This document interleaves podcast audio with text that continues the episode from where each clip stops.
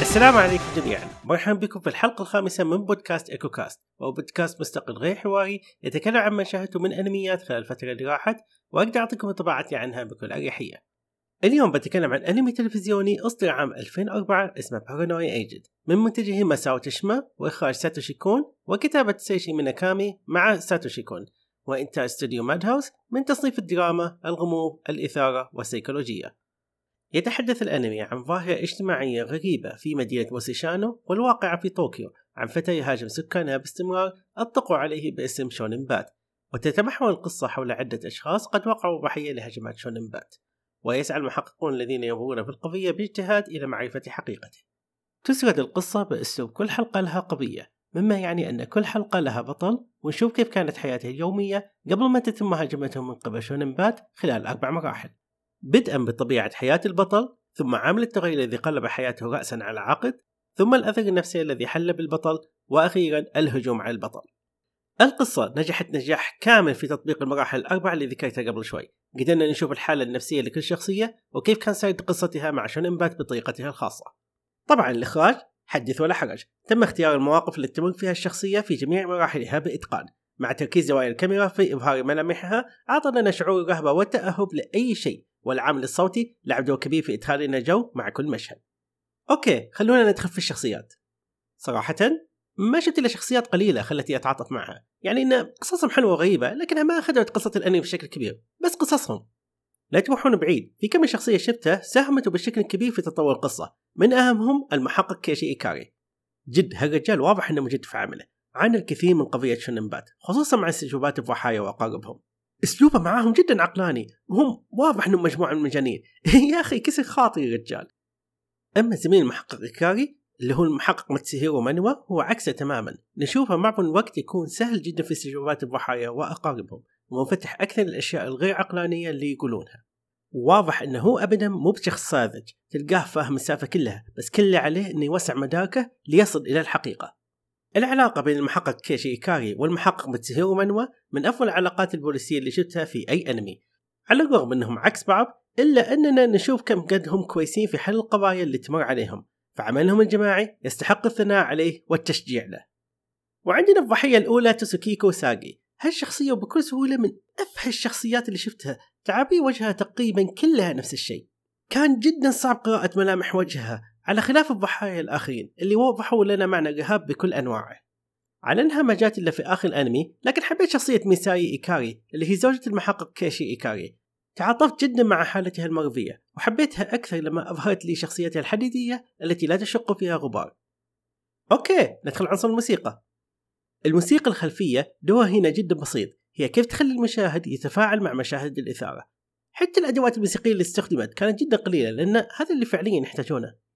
أغنية البداية يومينو شيما سينسن كوين من أداء سوسومو هيراساوا نجحت بقوة في بث شعور عدم الطمأنينة لدى المشاهد.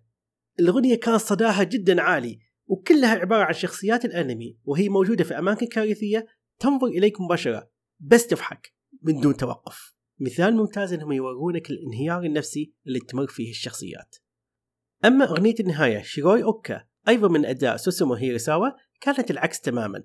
الموسيقى كانت هادئة زي اللي تسمعها في صناديق الموسيقى وحطت لك كل الشخصيات في مكان جميل وهم نائمون. عاد تسألون هل هي أحلام وردية أم لا فاعذروني ما أعتقد أني أقدر أعطيكم جواب هنا. والحين خلونا ندخل عنصر الرسم.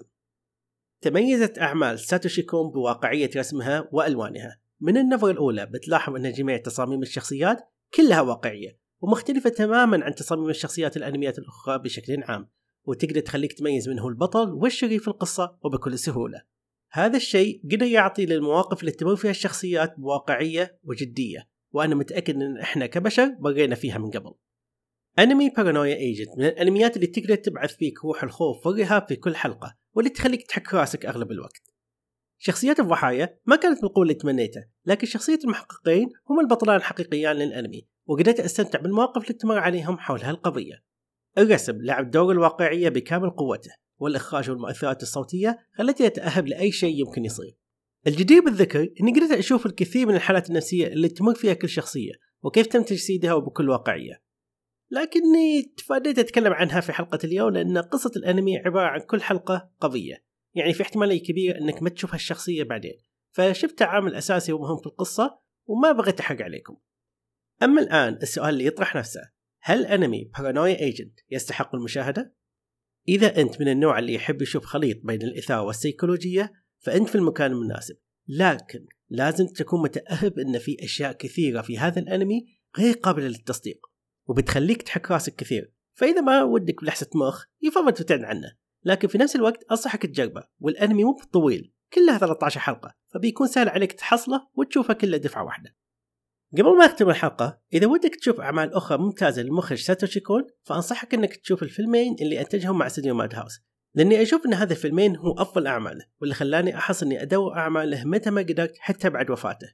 وهما Perfect Blue و Paprika إذا ودكم أتكلم عن هالفيلمين في إحدى حلقات البودكاست فما عندي مانع. اتركوا تعليقكم في رابط الحلقة على ال SoundCloud أو تواصلوا معي مباشرة على حسابي في تويتر Final Echo F I N A L E C H O Final Echo وبتحصلون الروابط في وصف الحلقة.